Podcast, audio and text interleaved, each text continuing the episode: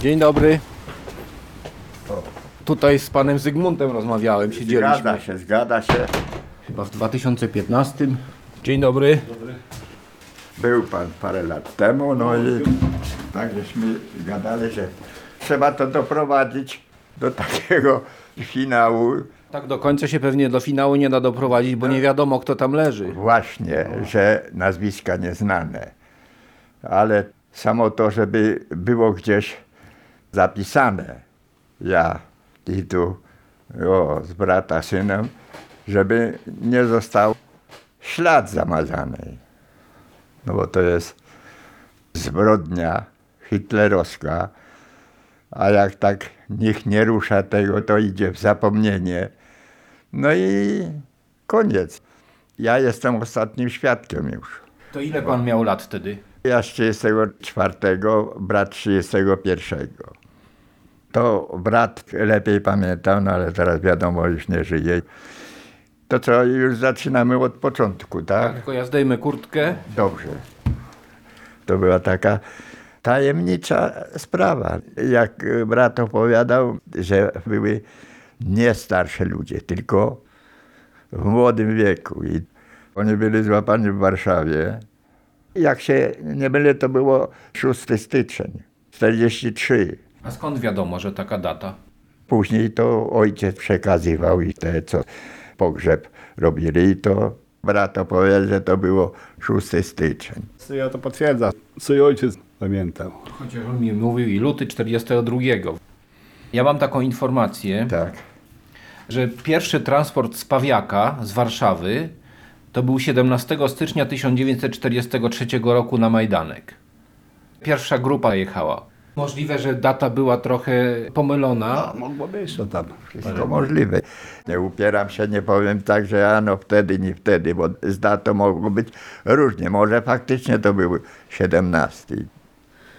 Pierwsze masowe aresztowania inteligencji polskiej nastąpiły z 10 na 11 listopada 1942 roku, czyli w przeddzień czczenia odzyskania rocznicy niepodległości. Aresztowano wtedy masowo wszystkich inteligentów, adwokatów, lekarzy, wszystkich, którzy byli zaangażowani w ruch oporu. Te aresztowania następowały we wszystkich większych miastach, począwszy od Lublina poprzez Lwów aż do Warszawy. Wtedy tych ludzi w Warszawie kierowano masowo do więzienia na Pawiaku. To więzienie było pod koniec 1942 roku już skrajnie przepełnione, a kolejne aresztowania następowały. W związku z tym 14 grudnia 1942 roku Henryk Himmler wydał takie zarządzenie, żeby wszystkich więźniów, Polaków z więzień skierować do obozu koncentracyjnego albo na Majdanek, albo do obozu w Auschwitz. Miało to być według niego około 35 tysięcy mężczyzn i kobiet, przede wszystkim Polaków, ale także więźniów innych narodowości.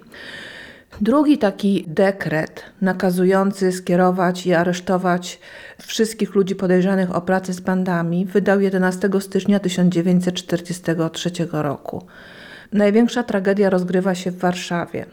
Od 15 do 17 stycznia 1943 roku aresztuje się praktycznie wszystkich, których spotyka się na ulicach. To są wielkie akcje przeprowadzane w tramwajach, w kościołach. Zabiera się ludzi, którzy z tych kościołów wychodzą, w hotelach, kinach, teatrach. Masowo strzela się do tych, którzy próbują uciec albo się schować. Jeśli brakuje ludzi do skierowania ich na samochód ciężarowy, aresztuje się tych, którzy przechodzą, albo wyciąga się ludzi z domów i kamienic. Tych ludzi wywozi się na Pawiak, gdzie spędzają kilka dni, czasami tylko jedną dobę, najczęściej na dziedzińcu Pawiaka i wywozi się transportem na Majdanek. Transport ten ma miejsce z 17 na 18 stycznia 1943 roku. Z Pawiaka ludzi kierowano na dworzec wschodni, tam stały już przygotowane wagony. Ci, którzy byli eskortowani przez SS-manów, przez żołnierzy, oni nie mieli szansy na ucieczkę, ale ci, którzy byli eskortowani przez kierowców ciężarówek, mogli tych prób ucieczek podjąć się i wiemy, że kilka takich ucieczek było i one się powiodły. Więźniowie już po opuszczeniu Pawiaku wyrzucali albo z samochodów, albo z wagonów kartki, na których było napisane, że zostałem aresztowany, wiozą mnie y, w kierunku Lublina, proszę o pomoc, proszę poinformować moich rodziców i adres rodziców. Jedną z takich osób był Krupecki Jan, kilkunastoletni chłopak, który taką wiadomość wysłał i przez kolejarza została dostarczona do domu, do Warszawy. I wiemy, że to była ostatnia wiadomość, jaką w ogóle wysłał, ponieważ na Majdanku w krótkim czasie zmarł, więc taka karteczka jest jedynym śladem po pobycie, po skierowaniu tego człowieka do obozu na Majdanku. Następnie na dworcu wschodnim było kierowanie do wagonów bydlęcych. Było to około od 50 nawet do 100 osób, osobno mężczyźni, osobno kobiety. Wszystko to odbywało się bardzo szybko, z żołnierzami, którzy mieli skierowane w tłum karabiny maszynowe, więc to budziło postrach i przerażenie wśród tych, którzy byli ładowani do tych wagonów. Ci ludzie nie wiedzieli właściwie, gdzie oni jadą, po co jadą, czy to będzie rozwałka, czy to będzie obóz, jaki obóz. Wtedy wszyscy słyszeli o obozie koncentracyjnym w Auschwitz, ale Majdanek był miejscem nierozpoznanym. Pierwszy transport zabiera się wtedy około tysiąc mężczyzn, więźniów politycznych, aresztowanych tam wcześniej, około 300 Polek, więźniarek politycznych i dołącza się do tego transportu kilkaset osób z łapanek. Mieszkaliśmy na Nowym Pożogu. Ojciec i my we dwóch i matka, we czworo w domu. To było tam gdzieś od toru kolejowego jakieś, no może 400 metrów. Tam każdy pociąg jak szedł, to było słychać. Tutaj człowiek się wychował przecież przy torze. Latało się w lecie, chodziło się tu do Końskowoli, do kościoła. To była taka ścieżka przy samym torze. I to wszystko człowiek już w sobie miał ten cały dźwięk tych wagonów i, i parowozu. I tam od czasu do czasu przechodziły tak zwane bałszuce czy coś takiego. Niemcy kontrolowali, czy coś na torze jest nie tego. Jak partyzantka czasami coś rozkręcała, czy tego miny, czy coś, to tak od czasu do czasu przechodzili. Ale tak, no to przecież wiadomo, że Niemcy tu jak pociąg nieraz szedł, to człowiek już był taki ostrożny, nie za bardzo się kręcił koło toru. A czy pan wcześniej słyszał, że mówiło się o tym we wsi, że jechał pociąg i ktoś uciekł?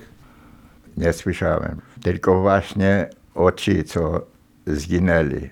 No, brat już się interesował tym i posiadał większą wiedzę. Dzień dobry. Ja jestem z Radia Lublin. Czy pana Zygmunta Zadurę to zastałem? To jest O, dzień dobry. dobry. Nie wiem, czy pan mnie pamięta. Kiedyś rozmawialiśmy tutaj o naganku. Pan kiedyś to opowiadał o tych zabitych y, przy torach. Tak. Tych, co wyskakiwali z pociągu. A, o tych. W Pożogu tu. To było 42 rok gdzieś. To był luty i też to była soboty na niedzielę. To była taka piękna noc księżycowa, że po prostu można było wszystko robić, tak jak na dniu. I były śniegi, duże śniegi. I jechał pociąg Warszawa, Demlin, Lublin, tą trasą i seryjne strzały były po prostu, małe przerwy były. I myśmy się obudzili w mieszkaniu, bo było nas ze siedmioro osób. Ojciec mówi, pewną partyzantka jedna na drugą napadła i się biją.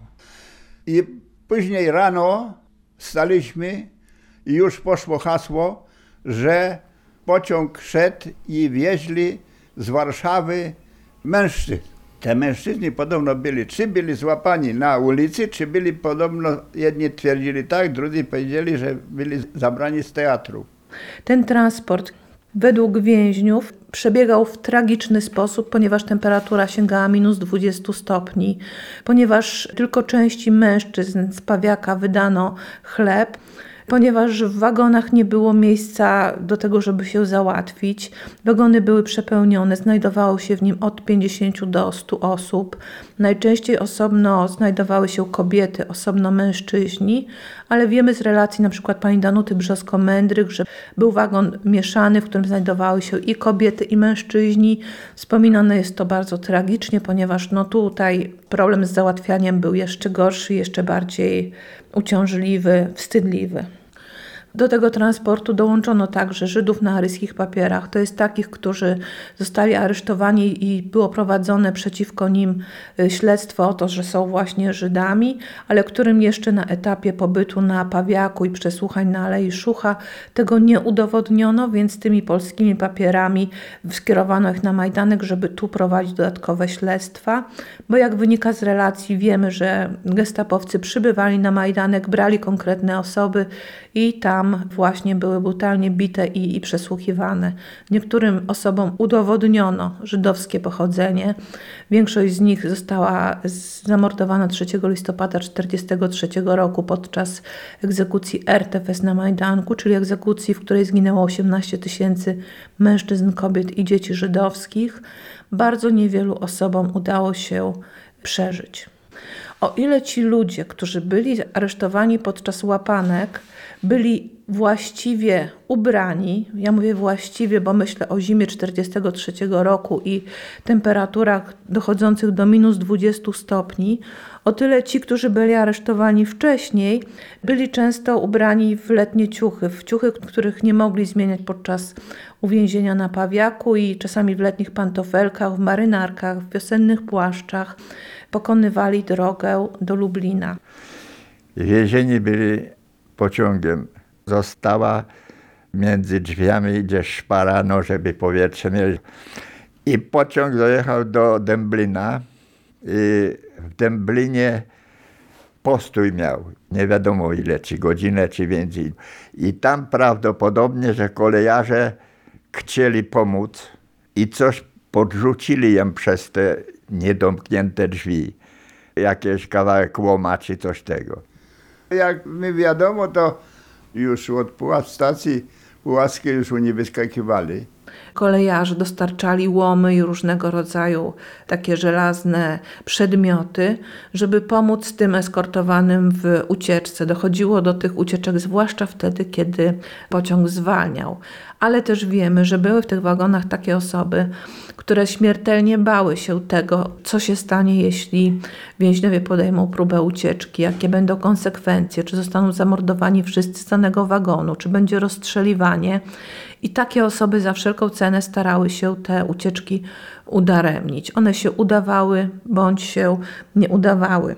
Więźniowie z pozostałych wagonów słyszeli albo pieśni, pieśni kościelne czy pieśni patriotyczne, które były wykonywane, żeby właśnie zagłuszyć te wszystkie próby wybicia desek, albo strzały. Tak na dobrą sprawę nie było żadnej komunikacji z ludźmi z innych wagonów, więc to też budziło taki powszechny strach.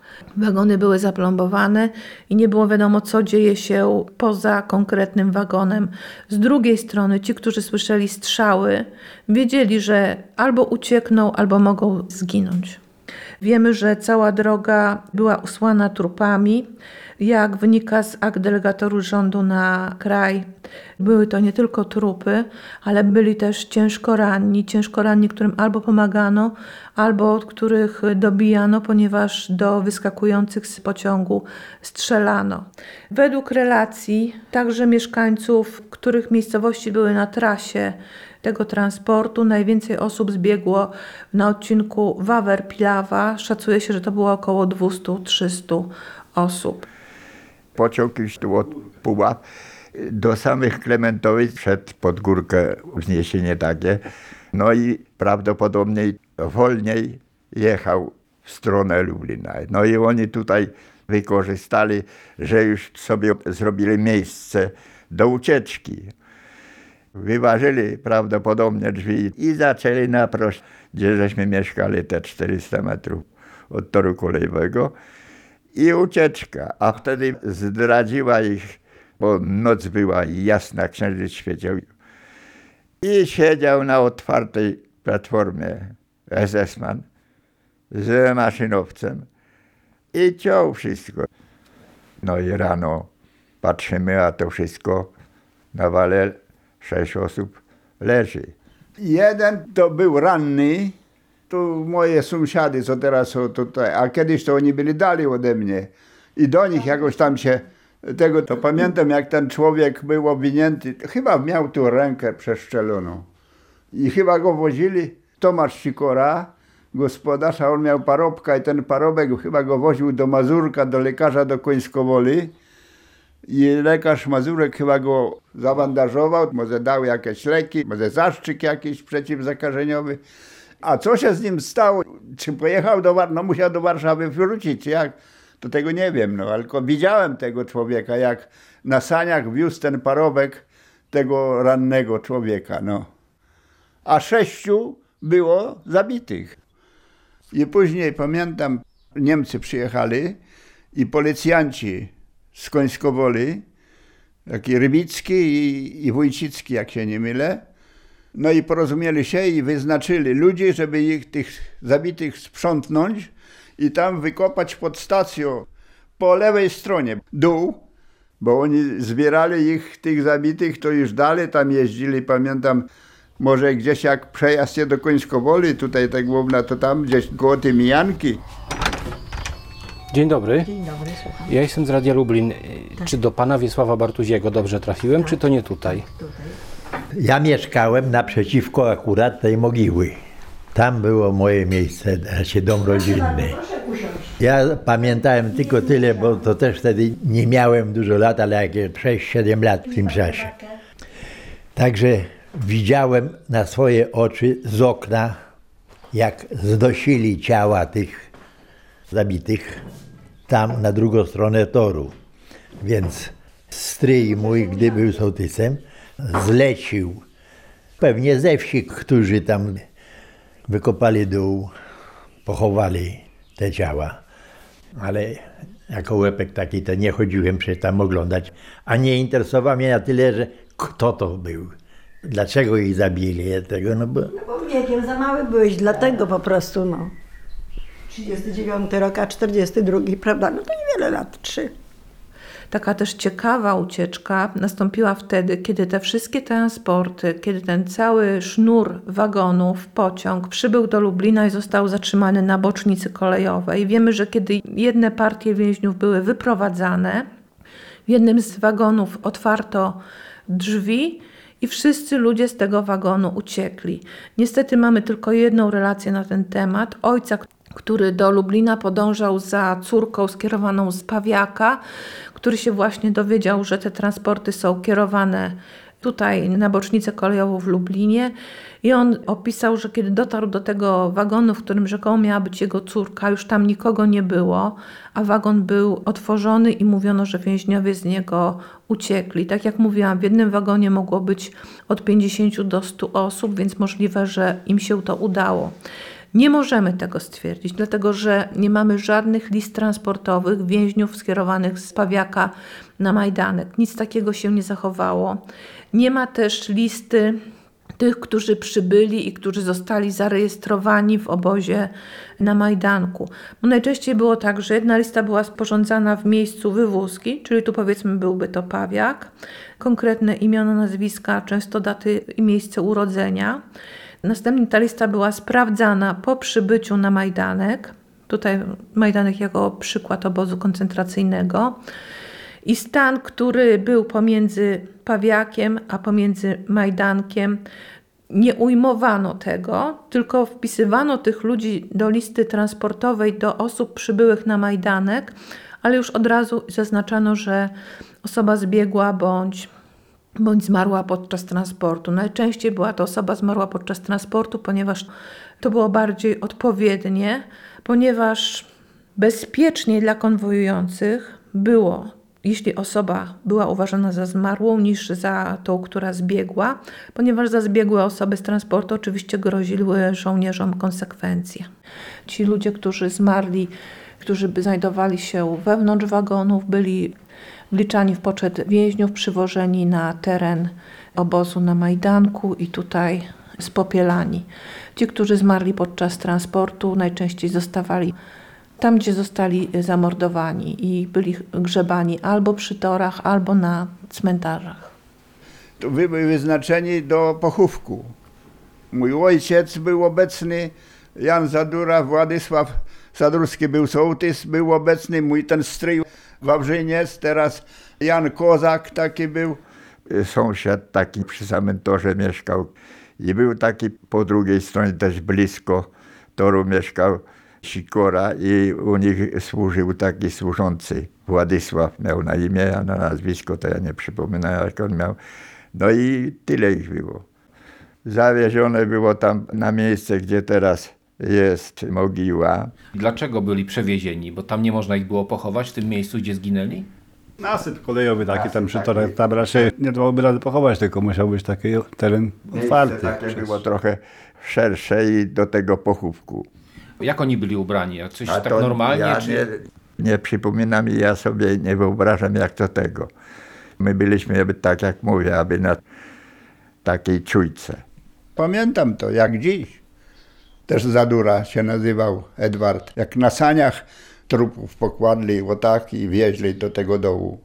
Mieli ładne buty, ładne palta, to jakieś byli ludzie nie takie biednie, tylko jakieś byli może na stanowiskach, no nie wiem, bo byli tak ładnie ubrani. Jak leżeli na tych saniach, tośmy patrzyli się. Tam odganiali nas takich łebków, sołtys uciekali tam, mówi tego, no ale wie pan, no każdy ciekawy, takie łebkiśmy byli młode, tośmy patrzyli się. No i wzięte od sąsiada przez tory od takiego Bartuziego, żeby to zwłoki przykryć, to worki po cemencie, bo on coś tam wtedy robił w domu w gospodarstwie i te worki papierowe rozpostarli i później na te worki trochę z tych blisko drzew, z tych jedlin gałązki, żeby te zwłoki, no i zasypali i o taki był ich pogrzeb. Kiedy ludzie przybyli na Majdanek i sprawdzano te listy transportowe, albo chociaż tylko nazwiska więźniów, zaistniał taki problem dla późniejszych badaczy, ponieważ ewidencjonowano tylko więźniów politycznych, a tych z łapanki nie zanotowywano pod żadnym imieniem i nazwiskiem i przetrzymywano na, na Majdanku przez długi czas nie mieli numerów więźniarskich, nie otrzymywali odzieży obozowej, czy to była odzież cywilna, czy też to był pasiak. Te osoby po prostu były tutaj przez jakiś czas i dzięki staraniom Komisji Polskiego Czerwonego Krzyża Rady Głównej Opiekuńczej te osoby były z obozu zwalniane. Prowadzono w stosunku do nich krótkie śledztwo, było sprawdzane kim są, jaki mają zawód i co robili w Warszawie. Jeśli takie śledztwo wypadło pozytywnie, te osoby były zwalniane. Pierwsze zwolnienia nastąpiły już w lutym 1943 roku. Odbywały się w ten sposób, że przybywała komisja. Było wielkie poruszenie w obozie. Wszyscy biegli, żeby zobaczyć, co się będzie działo. Komisja wyczytywała nazwiska i ta osoba, która była zdrowa, która miała siły, była z obozu wypuszczana pod warunkiem, że to, co się działo w obozie, to jakie były jej losy, będzie trzymała w ścisłej tajemnicy. Natomiast ci, którzy byli przeznaczeni do zwolnienia, ale byli w złym stanie fizycznym, byli chorzy, byli cofani i skierowani do rewirów obozowych, czyli do szpitali, gdzie mieli dochodzić do siebie. Oczywiście część osób zginęła w rewirach obozowych, ponieważ i pożywienie, i warunki bytowe były tam takie same jak w pozostałej części obozu, i wycieńczone osoby, zgłodowane osoby. Organizm nie miał siły, żeby się przed tymi warunkami bronić, tym bardziej, że mówimy nadal o zimie 43 roku, o bardzo surowej zimie. Ciężko powiedzieć, aby szpitale były ogrzewane, ponieważ to był jeden piecyk na cały duży barak, ogrzewany zaledwie jednym wiaderkiem węgla. Osoby z łapanek nie pracowały, nie angażowały się w życie więźniarskie, ani w ruch oporu, ani w to życie y, kulturalne. One miały nadzieję, że jeśli będą się izolowały, jeśli nie będą się angażować w niebezpieczne sprawy, rewiry, to one będą szybciej i sprawniej wypuszczone z obozu i tak też rzeczywiście było. Szacuje się, że w ciągu pierwszego kwartału, czyli aż do transportu z 25 marca 1943 roku, y, z Pawiaka przetransportowano na Majdanek około 4000 więźniów. Większości więźniów politycznych, ale tak jak wspominałam, także dołączono do tych transportów więźniów złapanych. Więźniów złapanych, o których wiemy niewiele, niewiele osób złożyło swoje relacje, niewiele osób też przeżyło, jeśli udało im się dotrzeć do domu. Jest taka strona internetowa straty.pl i znalazłem informację, być może to jest y, ktoś, kto był tu pochowany w tej mogile. Władysław Gębala, miejsce zamieszkania Warszawa, ulica Szeroka 5, data śmierci 17 stycznia 1943, Pożuk. No to tutaj wychodzi. Mogło tak być, ale kto jak dokumentów nie będzie, to wiadomo jak się nazywa, kto tam był. To było pod strachem pochówek zrobiony. To kto tam miał w pamięci sięgać tych zabitych i wyciągać jakieś dokumenty? Może mieli przy sobie, nie wiadomo, innych nie wie. Ale jeszcze jest taka opcja, że z łapanki z ulicy to każdy chodzi z dokumentami, karty, wszystko musiał każdy mieć. A jak z więzienia na Pawiaku, to raczej tam bez dokumentów byli, na pewno. No skąd się tu we Warszawie mógłby wziąć? Na pewno z tego transportu go. Tutaj co go zabili razem z innymi resztę. Bardzo możliwe, że była to właśnie y, jedna z takich osób. Jak wspomniałam, nie istniały listy transportowe, a już na pewno nie listy, na których znajdowałyby się osoby z łapanek warszawskich. Ale akurat nazwisko Gębala Władysław występuje w naszej dokumentacji. Może zobaczymy, jak ten dokument wygląda.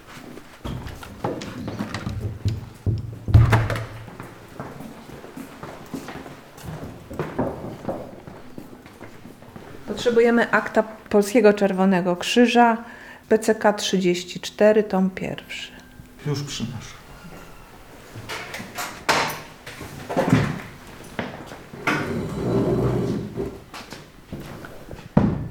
Potrzebujemy kartę 253.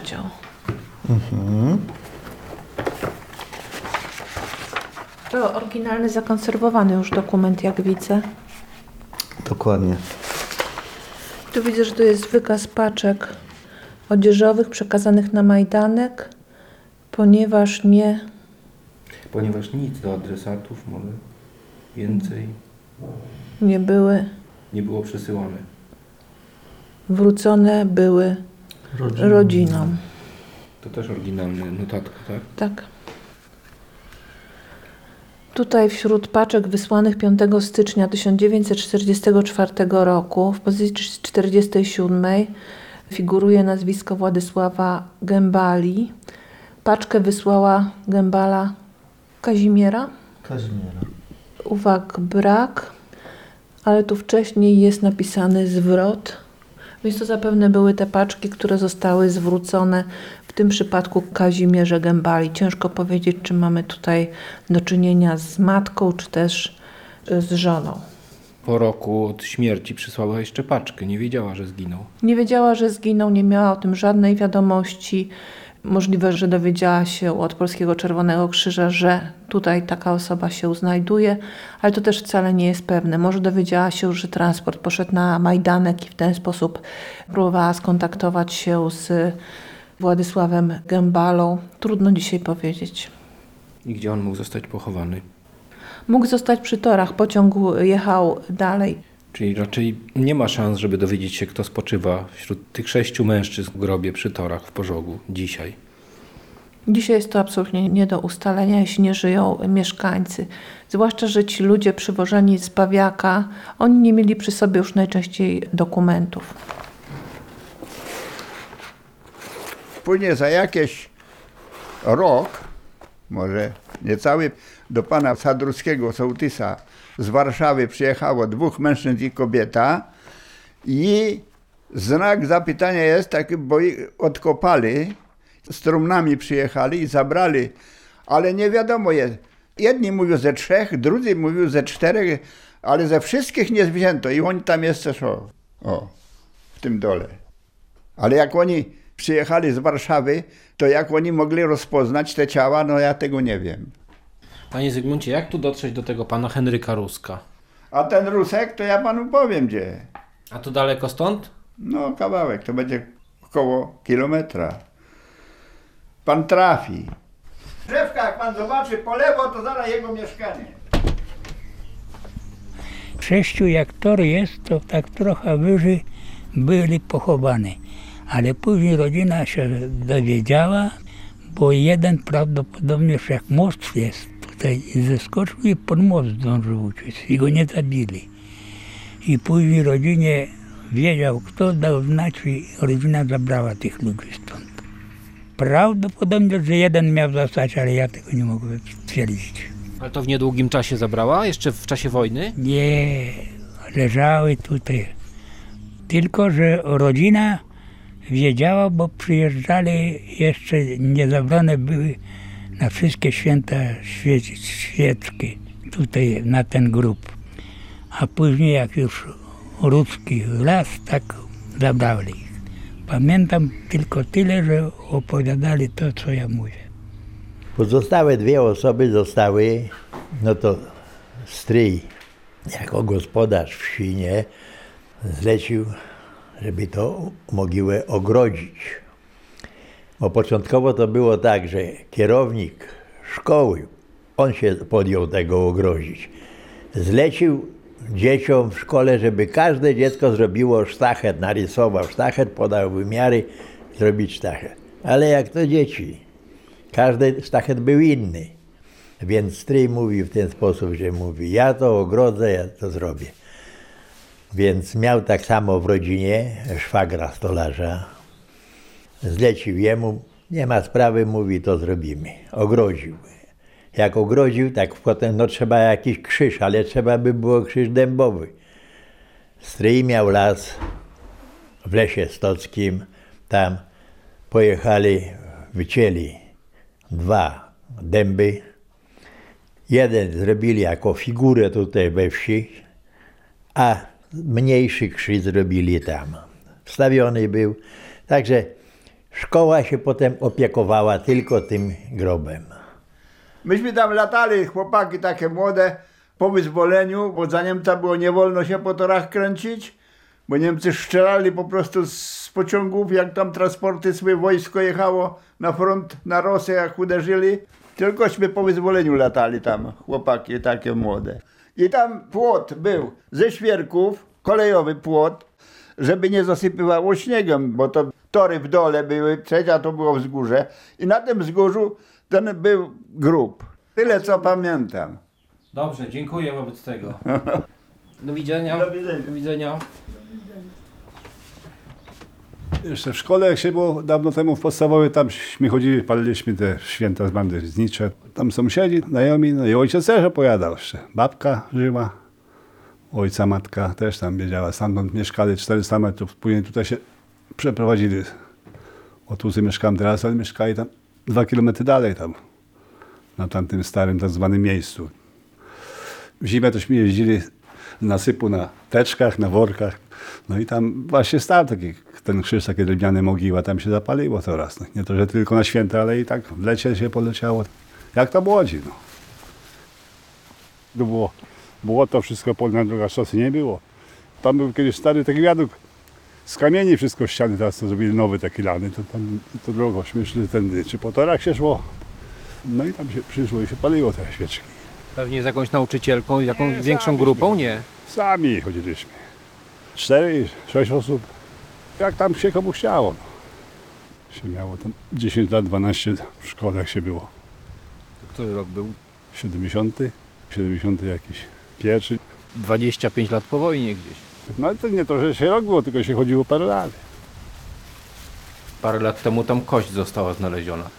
Te tory chyba jak reperowali, czy wcześniej, to że kości jakieś tam zależy, to policja przyjechała, że te kości zabrali, tam do EPN odstawić, ale jak tam dalej to wszystko było, to nie wiem. Nie słyszałem nic dalej na ten temat. Aktualności Radia Lublin. Lubelski Oddział Instytutu Pamięci Narodowej prowadził sprawę z terenu gminy Końskowola. Chodzi o miejscowość Nowy Pożuk, mówi Michał Durakiewicz z lubelskiego IPN-u. Sprawa trafiła do nas w roku 2018. Wtedy doszło do znaleziska ludzkiej kości na terenie otoczonym przez okoliczną ludność opieką jako mogiła z okresu wojny. Mogiła kilku uciekinierów z transportu kolejowego, prawdopodobnie do obozu koncentracyjnego, zastrzelonych w czasie próby ucieczki przez Niemców i pochowanych tuż przy torowisku. Sprawa jakby od tego czasu toczyła się u nas dwutorowo. Podjął ją jeden z naszych prokuratorów, pan Dariusz Antoniak, który prowadził przez kilka miesięcy śledztwo w tej sprawie, które w zasadzie potwierdziło tą wersję, którą zna okoliczna ludność. Równolegle jednak toczyła się sprawa u nas w Biurze Upamiętniania, jako że zajmujemy się grobami wojennymi i znaleźliśmy potwierdzenie, co ciekawe, że w 1958 roku ten grób został ekshumowany. Ekshumowano wtedy trzy osoby, czyli nieco mniej niż zwykle mówiono, że tam y, ludzi zginęło, ale też wśród tych opowieści okolicznych ludzi pojawia się taki motyw, że jeszcze w czasie okupacji przynajmniej jedną z tych ofiar zabrano. Prawdopodobnie zrobiła to rodzina. Natomiast teraz pojawia się pytanie, dlaczego wciąż są tam kości w takim razie. Z naszej praktyki wiem, że te powojenne ekshumacje z lat 50., 60. głównie były prowadzone bardzo niedbale. I to może być najprostsze wytłumaczenie, że po prostu nie podjęto wszystkich kości. Dzisiaj robi się to przy pomocy archeologów, którzy to robią bardzo skrupulatnie. Wówczas robiły to często służby komunalne, ludzie, którzy tak naprawdę zbierali tylko najważniejsze fragmenty szczątków ludzkich, czaszkę przede wszystkim.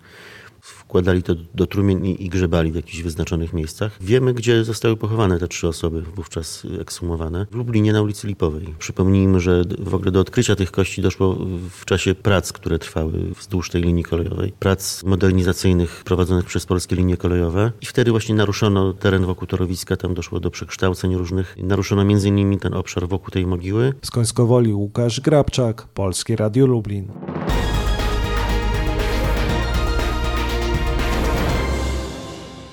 Jak robili właśnie tam te tory, remontowali te same linie, no to co tu się działo, to kupę tego ziemi nasypywali, wywozili, przewozili kamieni. Kopy leżały, takie kamienie, tutaj stosy takiego drobnego tłucznia tam zasypali, także musimy trzeba to zrobić, bo to rozniosło. Dźwigi to chodziły jeszcze trochę, tak mówimy, to rozniesło, to nie będzie śladu, nie będzie znaku. Co jeszcze, aby cokolwiek widać, że to krzyż spróchniały. Znajomi taki tam przesunęli drewniany krzyż, smet może, żeby ciężarówki tam nie rozjeździły, no i tam koście mogły jeszcze w ziemi być. Nie w tym może miejscu to jest... tam Tam może być metr, półtora różnicy od tego, co za pochowanie, to już mi przesunęli w lewo, żeby tam nikt tam nie jeździł po tym. żeśmy tu zrobili krzyż, o, tak jak syn brata, metalowy. Tak, żeby był znak. Chodzimy o ten, żeby nie był zatarty ślad. Pojedziemy tam na niemiecki miejsce? Agresji. No to już.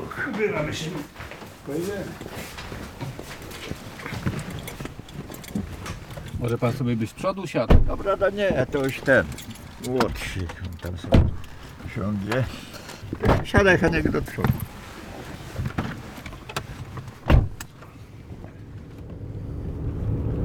Tam chyba nie dojedziemy Heniek na tego. No to kawałek podjedziemy, tam się tam, bo żeby tam padało, nie to, było jest, mokro. to tam się przejdzie kawałek, tam Kawałeczek. z 50 metrów się przejdzie. Zrobiliśmy to po porządku, się wykosiło, takie było zarośnięte chwastami wszystko. Takie podwyższenie, zrobiliśmy takie postawem taki mały z ziemi, co stryjo wziął.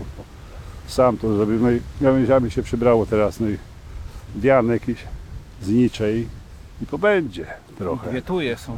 Wsadziliśmy cztery, tylko jedna uspa. Z takim kolegą hoduje, to u niego kupiliśmy iśmy założyli. No jak ten krzyż wygląda? No metalowy jest spawany. To z jakichś drutów jest, tak? Ta, taki duży berkowy. Zespawany do kupy umalowany, żeby go powtórzyć, bo już trochę farba. No i wizerunek Pana Jezusa przykręcony i tabliczka i myśmy go wbili w ziemię. Z metr, może nie, nie cały. I pobędzie, bo to metal to nie to co drzewo. I co na tej tabliczce jest? Tu spoczywają polegli podczas ucieczki z transportu do obozu śmierci w Święcimiu dnia 6 stycznia 1943 roku. Tabliczkę ufundowali świadkowie. Świadkowie tamtych wydarzeń Zygmunt Czesław Zadura z Pożoga. To ja tam zamówiłem tabliczkę w Puchawach w zakładzie pogrzebowym wydrukowali. Panowie napisali na tabliczce, że tu spoczywają polegli podczas ucieczki z transportu do obozu śmierci w Oświęcimiu dnia 6 stycznia 1943 roku. Co to mógł być za transport? Pierwszy taki transport, który trafił tutaj z więzienia, to był transport tak zwany radomski. W tym transporcie znaleźli się więźniowie polityczni z Radomia, Kielsk, Częstochowy, Skarżyska Kamiennej, Piotrkowa Trybunalskiego. I też ten transport był kierowany do Lublina. Miał właśnie miejsce 6 stycznia 1943 roku i przybyło nim około 800 więźniów, mężczyzn i kobiety. No bo tam się pojawiają w tych przekazach, w relacjach panów, że to byli ludzie z łapanki w Warszawie. A tu z drugiej strony jest ta data 6 stycznia 43. To może coś jest nieścisłe. Myślę, że połączono te dwie daty, albo może chodziło o 16 stycznia 1943 roku, dlatego że w transporcie tak zwanym radomskim nie było osób z łapanek. A my wiemy, że masowe ucieczki podczas transportów miały właśnie miejsce w transporcie z Warszawy do Lublina. W transporcie radomskim byli tylko polityczni, bardzo silnie strzeżeni i nie słyszałam o ucieczkach z tego transportu. Nie zachowały się żadne informacje. Jeśli konkretnych historii nie, nie nagramy, nie spiszemy w odpowiednim czasie, to potem pamięć ludzka płata figle. I jeśli wiemy, że jakaś sytuacja miała miejsce na początku roku 43 i że był transport i przebiegał tą konkretnie trasą, to mogą się stworzyć takie myśli, że on był czy w styczniu, czy w lutym, bo dla tego, który o tym opowiada, to nie ma znaczenia, kiedy to było dokładnie, tylko co było, że były tam ciała, ciała, które trzeba było pochować. Co, nie chce się zapalić? Ile razy w roku pan tu bywa? Parę razy w roku. Przejeżdżam nieraz tutaj, jak jadę do rodzinnego domu, także wstępuję tutaj. Można powiedzieć, że to wszystko jest pod naszą pielęgnacją rodzinną, bo już kto tu więcej z końca wsi gdzieś czy z dala, ktoś przyjdzie tutaj coś z tego. Jak ktoś przychodzi, to popatrzy i pójdzie dalej. A tu już nasza rodzina to urządziła cały pogrzeb i teraz dalej nasza rodzina uważam, że opiekować się powinna i tak się robi. No bo jak inaczej, to kto będzie się opiekował? Dopóki się będzie żyć, a później przekazuje się, no to zostają następcy i, i mi się wydaje, że będą dalej to trzymać. Myślę, że to jest piękne i że to jest dbanie o pamięć o tych ludziach i że dzięki takim krzyżom ja, Państwo możemy się dowiedzieć o tym, że taka sytuacja miała miejsce i że byli ludzie, których to poruszyło i że byli ludzie, którzy to upamiętniają. I to jest też takie poruszające, że to znajduje się konkretnie w tym miejscu, konkretnie przy torach kolejowych, bo jak wspominałam, też były zbiorcze groby, w których grzebano ludzi na cmentarzach.